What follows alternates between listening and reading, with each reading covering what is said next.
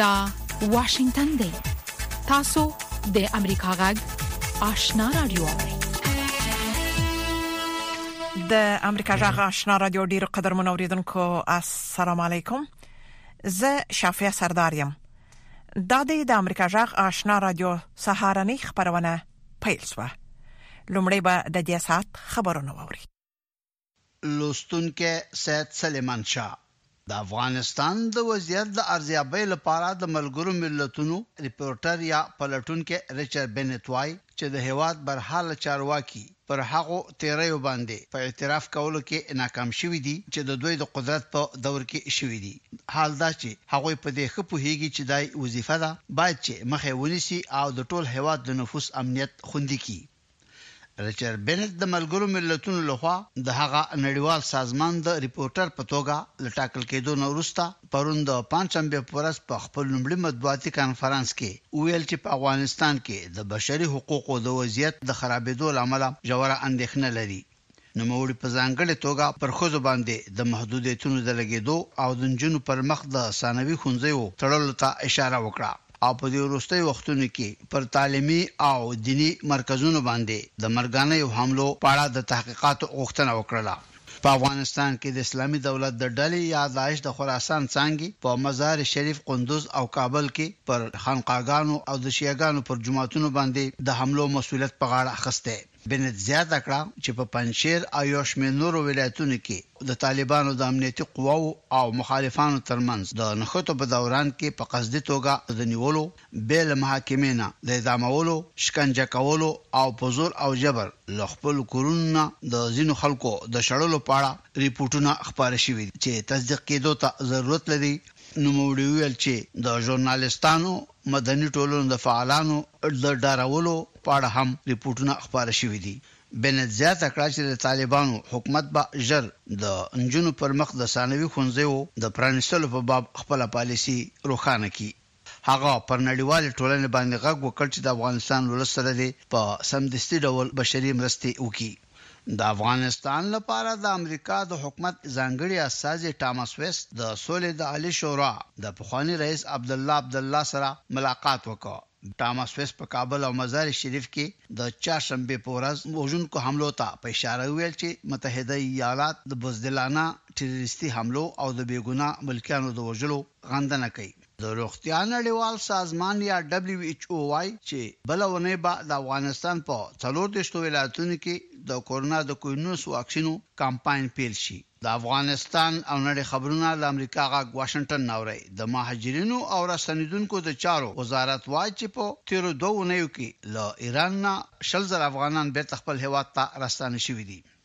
د رئیس الوزرا مرستیال ملا عبدالغني برادر د چهارشنبې په ورځ پنجشیر ته سفر وکړ. دا واشنګټن دی. د امریکې د تکساس ایالت د راپ په ابتدايي ښونځي باندې د سه شنبې په ورځ د ټوپکوالا په ډزو کې د یوې وژل شوې ځوانې ښوونکي مېړه جو ګارشیا د پنجشنبې په ورځ د خپلې ماندینې د ماتم په دوران کې یو ناڅاپه راولوېد او د زړه د سکتې له امله مړ شو. د اسراییلو د پوځ یوه بې پیلوټه ډرون الوتکه په جنوبي لبنان کې رالوېدلې. په افغانستان کې د ښځو او بشري حقوقو لپاره د امریکا د د امریکا د بهرنیو چارو د وزارت ځانګړې استازې مېرمن رینا امیري د طالبانو په مشرانو باندې غږ کړی، په داسې حال کې چې په دې وروستیو کې د داعش د وسلوالو حملې زیاتې شوې دي، د ملکیانو د امنیت د ساتلو لپاره دې لازم اقدامات وکړي. د هند حکومت بهرنۍ نړۍ ته د غنمو په صادراتو باندې د بندیز لګولو د پرېکړې نه دفاع کړې. د هند حکومت ویلي چې دا اقدام یې د یوکراین د جنګ او سږ کال د سختې ګرمۍ په وجه په داخل کې د غنمو د بیې د لوړېدو په وجه باندې کړی. د سوداګرۍ او صنعت وزیرې مېرمن پیایوش ګویان پرون د پنجشنبې په ورځ د سویټزرلینډ د ډیویس په ښار کې د نړۍ د اقتصادي فورم په غونډه کې په خپلې وینا کې وویل چې موږ د خپل ولس د عامو ګټو د خوندي ساتلو په غرض دا اقدام وکړ خو د نړۍ په مارکېټ کې د غنمو د بیې د لوړېدو له امله پر هند باندې فشار زیات شوی دی چې پر خپله پرېکړه باندې نظرې ثاني وکړي. د پاکستان معزول شوی صدراعظم عمران خان چې د خپلو زرهاوو طرفدارانو په ملتیا یې د چهارشنبې په ورځ اسلام اباد په لورې احتجاجي مارش پیل کړی، د شهباز شریف په مشرۍ نوي حکومت ته شپږ ورځې مهلت ورکړ چې له وخت نه مخکې پارلماني انتخابات اعلان کړي. عمران خان ګواښ وکړ که حکومت یې مطالبه ونه منله نو دی به بیرته اسلام اباد ته د احتجاج په خاطر راوګرځي. عمران خان وايي چې د پولیسو په ډزو کې پنځه طرفداران وژل شوي دي او په لسګونو کسان ټپیان شوي دي. د افریقايي هېواد سینیګال جمهور رئیس میکي سال پرون د پنجشنبې په ورځ وویل چې دغه هېواد د ابوعزیز سایې بخش په ولایدې نسایي سیمه ییز روغتون په یوې برخه کې د اور د لګېدو په پېښه کې یوولس نوي زېږېدلي ماشومان سوځېدلي او مړه شوي دي. اور د روغتون د ودانۍ په عقلي او عصبي برخه کې ولګېده.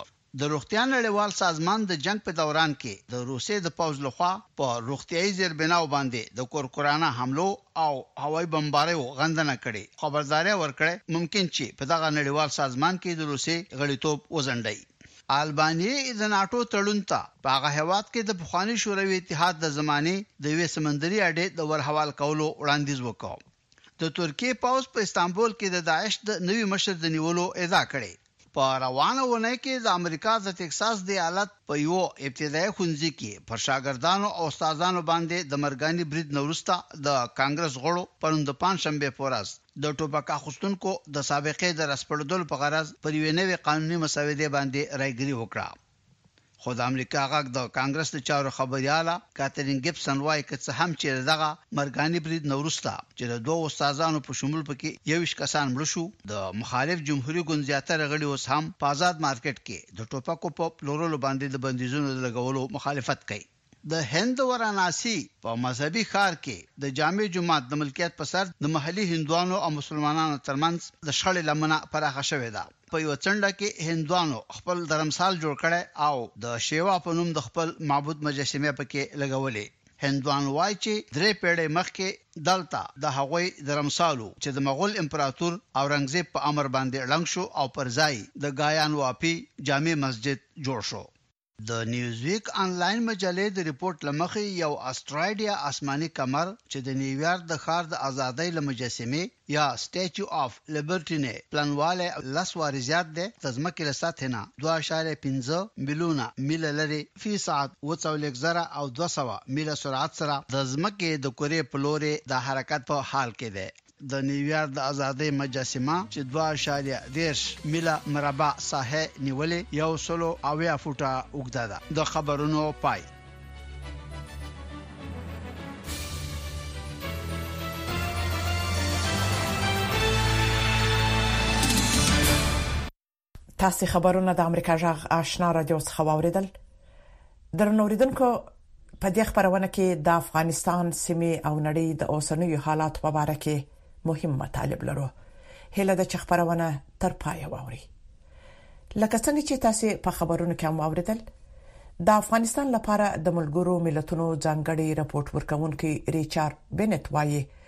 افغانستان د خورا زیاتو بشري ګواښونو سره مخامخ دی او د طالبانو له حکومت څخه یې وغوښتل چې د بشري وضعیت د ښه کېدلو لپاره دې د خپلو خبرو او کړنو ترمنځ فاصله کمه کړي نور تفصیل زموږ د خبریال اکرام شینواري په دې راپور کې واورئ.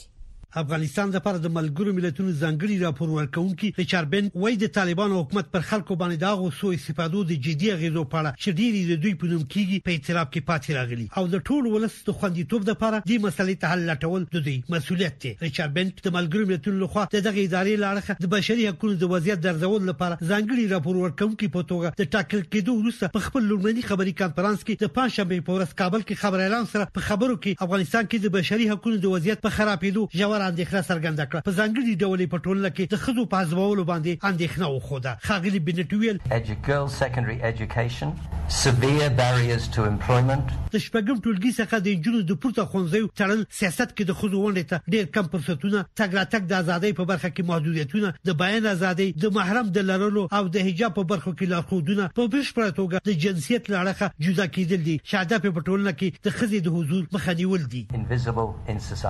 همداشان د ملګرو ملتونو ځانګړي راپور ورکونکي په کابل، کندوز او مزار شریف کې د هزاره ګانو او صوفیانو په جوماتونو او مذهبي ځایونو او تعلیمي ادارو د بریدونو د پلټنې غوښتنه وکړه ویې ویل چې دغو بریدونو تر ډیره سیستماتیکه بڼه اخیستې ده همداشان هغه د نړیوالو بشري قوانینو څخه د ملکیانو په وړاندې سرغړونو په خپل سر نیولو د ساري وژنو شکنجو او په پنجشیر او ځینو نورو ولایتونو کې په زور کډه کولو ته د اړ کولو په اړه د نه تایید شوو رپوټونو باندې هم خبرې وکړې خو ویل چې اړتیا ده چې دغو رپوټونو سپیناوی وشي. There are high number of reports of intimidation, harassment, attacks, arrests. ښاغلي بنټ وویل، په زیات شمېر رپوټونه د خبریالانو، څارنوالانو، قاضیانو او د هغوی د وظیفې څخه لرې کول، د مدني ټولنې د استازو وېرولو، ځورولو، نیولو او په ځینو قضیو کې د وژلو او تری تم کېدو په اړه ورکړل شوي چې دا هم د اندېښنې وړ دي.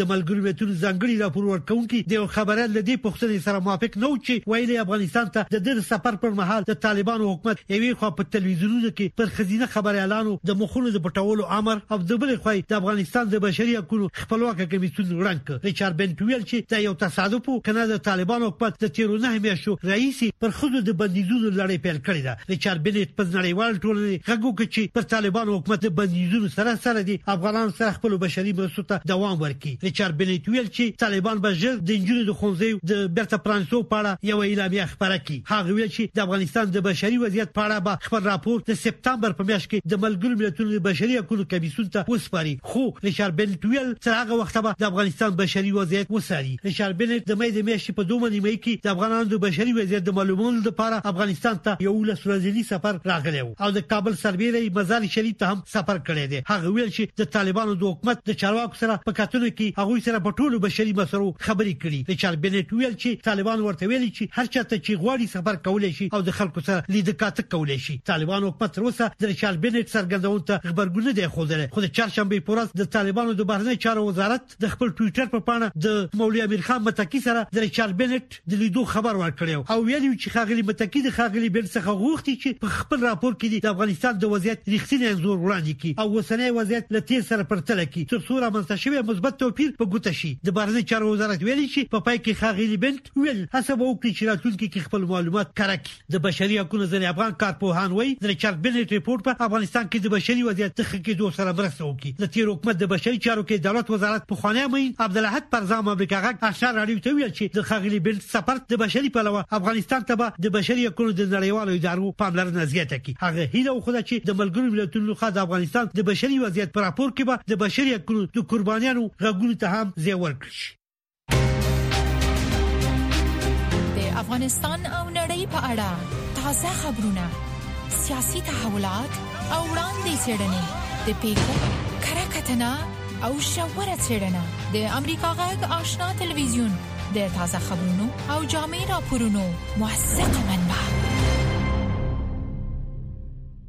د امریکا جغ آشنا رادیو څخه راپورټونو ته دوام ورکوه د ملګرو ملتونو د امنیت شورا له طالبانو غوښتي چې په افغانستان کې د بشري حقوقو او د میرمنو او جنو په وړاندې خپل سیاستونه ډیر ژر بدل کړي په ورته وخت کې د مخکنی جمهور رئیس مرستيال امر الله صالح وایي چې یوازې په اعلامیو او غوښتنو هیڅ هم نه بدليږي باید په راولپنډۍ کې د طالبانو په اصلي ملاتړو بندیزونه ولګول شي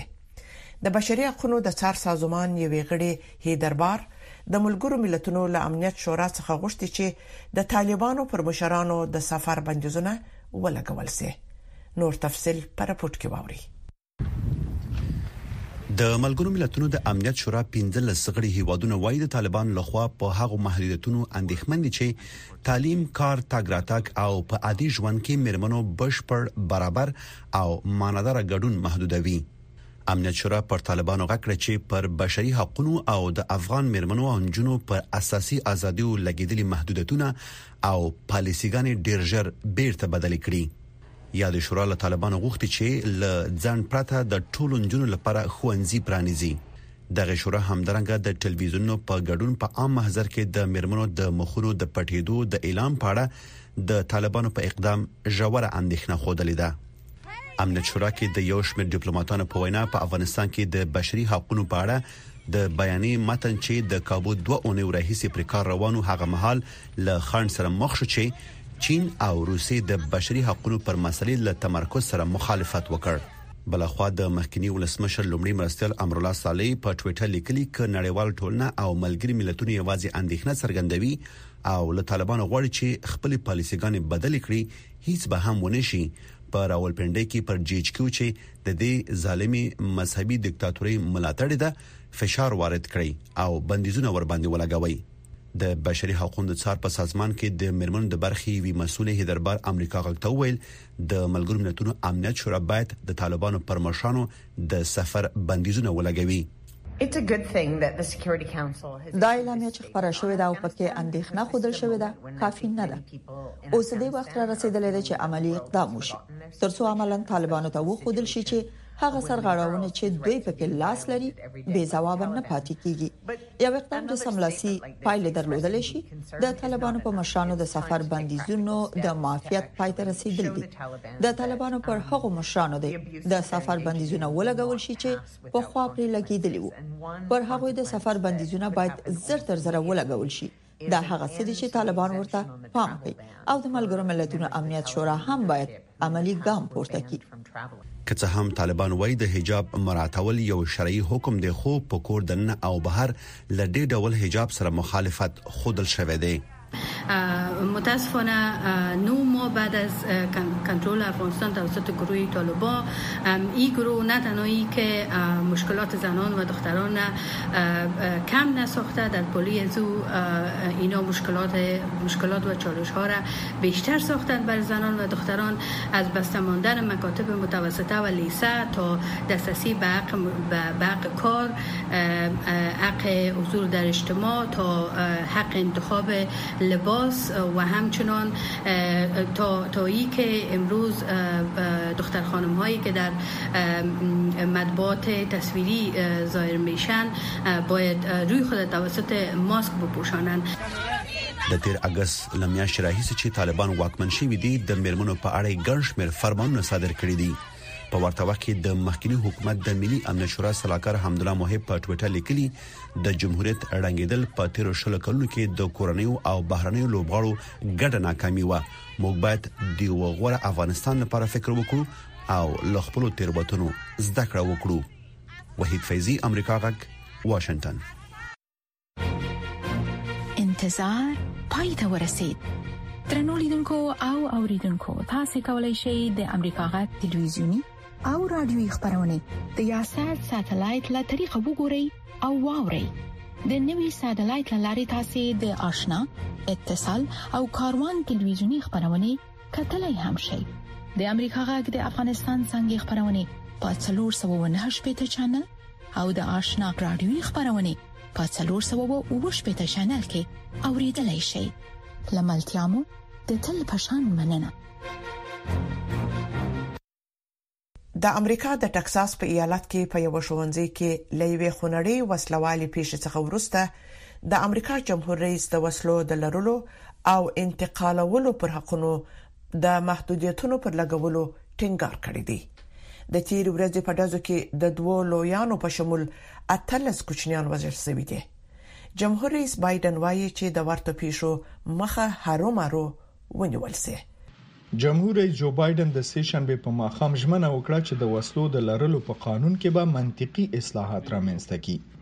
د هغه هدف هغه ټوپکې دي چې د سې شنبه په ورځ چې د ټکساس ایالت په یو ښوونځي کې یو تنکي ځوان ورباندې لږ تر لږه اتلس واړه زده کوونکي ووژل. داسې یو کار چې یو اتلس کلن هلک کولی شي د وسلو پلورنځي ته ورشي او دوه وژونکې وسلې وپېري، دا قطعاً ناسم کار دی. د خدای په نوم، د وسلې لرلو بل څه مقصد کېدای شي، مګر دا چې یو څوک پرې ووژني. د خدای لپاره، غرڅې خو په ځنګلونو کې د مرمۍ ضد له واسکټ سره نه ځغلي. دا لېونتوب دی. د وسلو جوړولو شرکتونو د دوه لسیزو لپاره په ټول قوت د وژونکو وسلو مارکیټینګ تجارتي تبلیغات کړي چې تر ټولو زیاته ګټه یې پکې کړې ده. د خدای لپاره موږ باید دا جرات وکړو چې د دې صنعت پر ضد ودریږو. چارواکو ویل د سې شنبې په ماسپښین د ټکساس ایالت د یووالډه ښار په راب لومړني ښوونځي کې د برید وروسته ماښام مهاله پورې لږ تر لږه اتلس زده کوونکي او یو معلم ووژل شو. بایډن د وژل شوو کورنیو سره خواخوږي او تسلیت وړاندې کړو. To lose a child. د اولاد مړینه داسې وي لکه د روح ټوټه چې دې ضایع شي، داسې لکه ستاسې سینه چې سورۍ وي او داسې خیال کوئ چې تاسې پکې غرقېږئ او هېڅکله ترې وتلای نه شئ. دا هېڅکله معمولي نه وي. د ټکساس والي ګریګ ابوټ چې یو جمهوریت غوښتونکی دی ویویل برید کوونکی د یووالډې ښار یو اتلس کلن ځوان و. والي ابوټ وویل ممکن برید کوونکی هم د پولیسو په ځوابیه اقدام کې وژل شوی اوسي. غواړم تاسو ته ووایم چې هغه څه چې په یووالډه ښار کې پیښ شوي ډیره بده پیښه ده چې په ټکساس ایالت کې د زغملو نه ده. په دې برخه کې د پولیسو او د تکساس ایالت د عامه محافظت ادارې لخوا چټک اقدام شوی. دوی اوس خبر دي چې بریدګر څوک و او اوس هغه مړ دی. په واشنګټن کې د بایډن د دیموکرات ګوند مشرانو دا پېښه د دسې اقداماتو کولو فرصت وګڼلو چې په راتلونکي کې د داسې مسلحانه پېښې مخه پرې ونیول شي. زه دلته دې لپاره ولاړ یم چې زاري وکړو ما سره لاسونه یو کړئ چې نور همکارانو ته پر زنګنو شو او عذر وکړو چې د حل یو لار پیدا کو موږ سره همکاري وکړي چې داسې یو قانوني لار پیدا کو چې دا ډول پیښې کمې کړي زه په هیګم چې زما جمهوریت غوښتونکي همکاران به د ټولو هغو خبرو سره هم نظر نه چې زه ملاتړ کوم خو داسې مشترکات شته چې موږ حل موندلی شو داسې مسایل شته چې موافقه ته رسیدای شو چې شاید هیڅکله په امریکا کې بیا داسې ډله ییزه وژنه تضمین نه شي. ټکساس ایالت په دې ویاړي چې د ځان ساتنې په نوم د وسلو ګرځولو حق لري. اوسېدونکي یې اکثراً په ناسم ډول ادعا کوي چې ټکساس یوازنی ایالت دی چې اجازه ورکوي ایالتي بیرغ یې د امریکا د متحده ایالتونو د بیرغ سره په یوه اندازه جګ ولاړ اوسي. د سې شنبې په ماښام، بایډن امر وکړو چې په سپینه ماڼۍ او ټولو عامه تاسیساتو او ودانیو باندې د امریکا ملي بیرغ نیم ځوړند کړي. انتظار پای ته ورسید. ترنو لیدونکو او اوریدونکو تاسو کولای شئ د امریکا غا ټلویزیونی او رادیوي خبرونه د یاسات ساتلایت له طریقه وګورئ او واورئ د نوي ساتلایت لارې تاسو د آشنا اتصال او کاروان ټلویزیونی خبرونه کتلای هم شئ د امریکا غږ د افغانستان څنګه خبرونه په 398 چینل او د آشنا رادیوي خبرونه په 398 چینل کې اوریدلای شئ لملتیا مو د تل پشان مننه رپوټونه د امریکا غږ آشنا رادیو څخه اوري.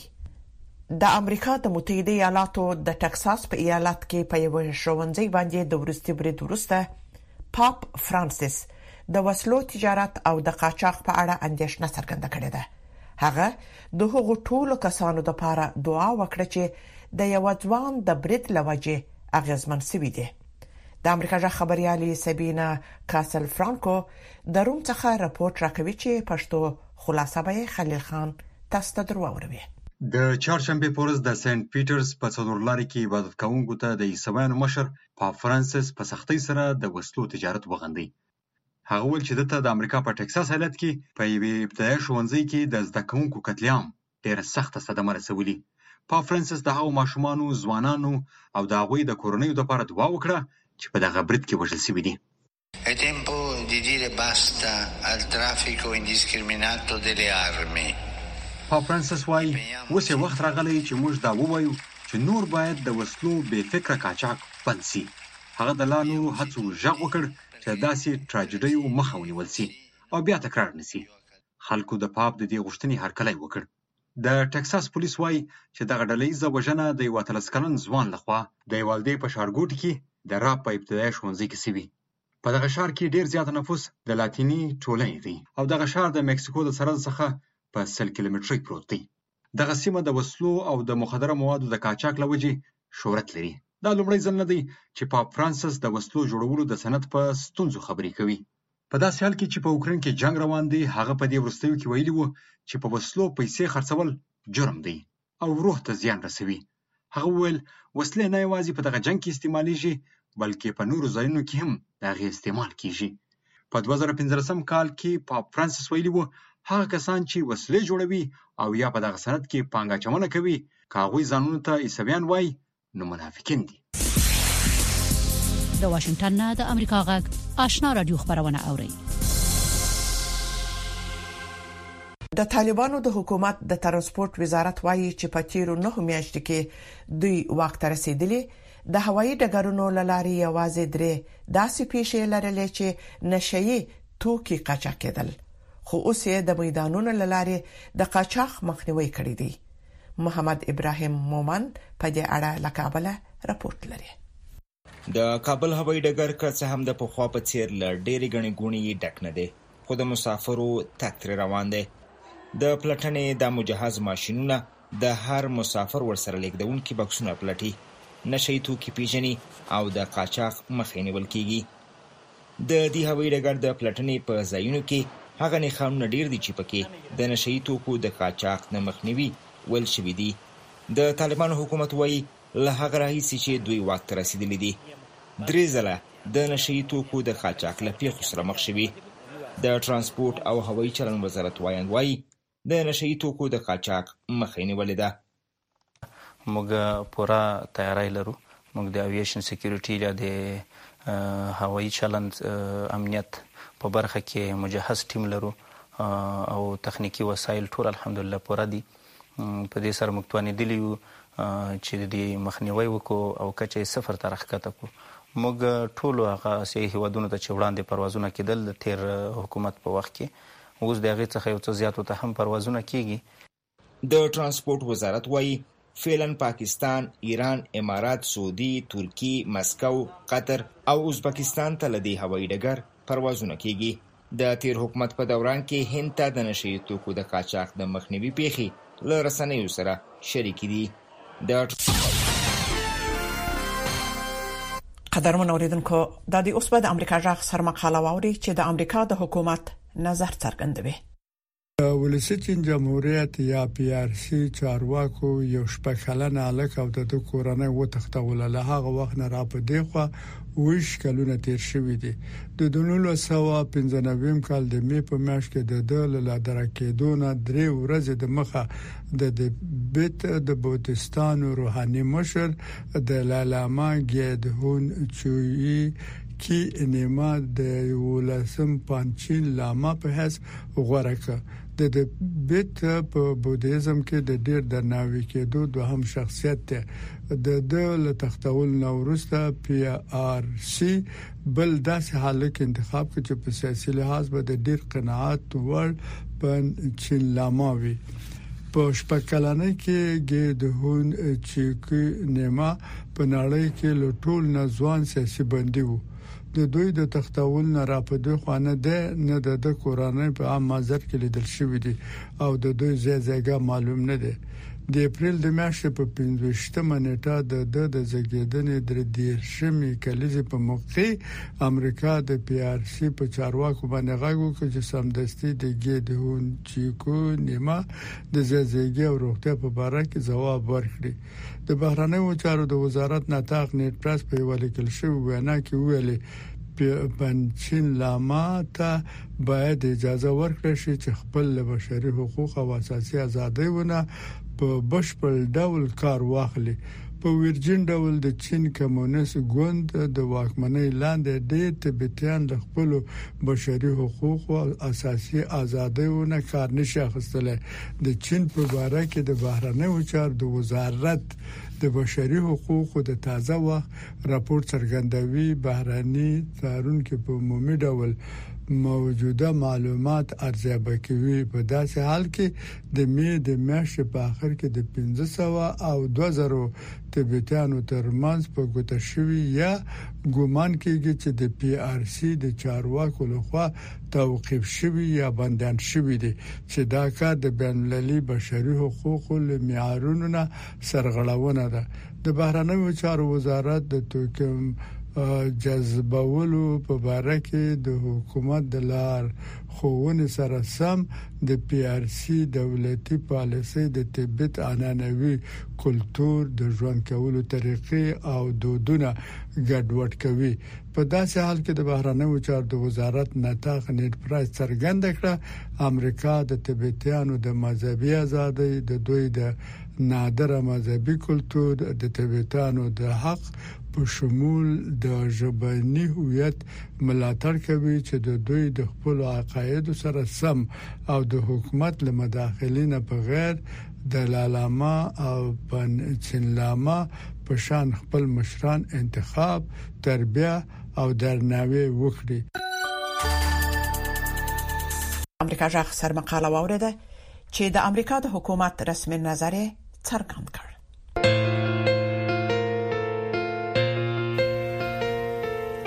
درنوریدونکو زموږ د خبرونه په هم دي ځای پای ته ورسیده د امریکا جغ آشنا را دوه خبرونه دوام لري ستاسو ټول څه مننه چې زموږ خبرونه اوري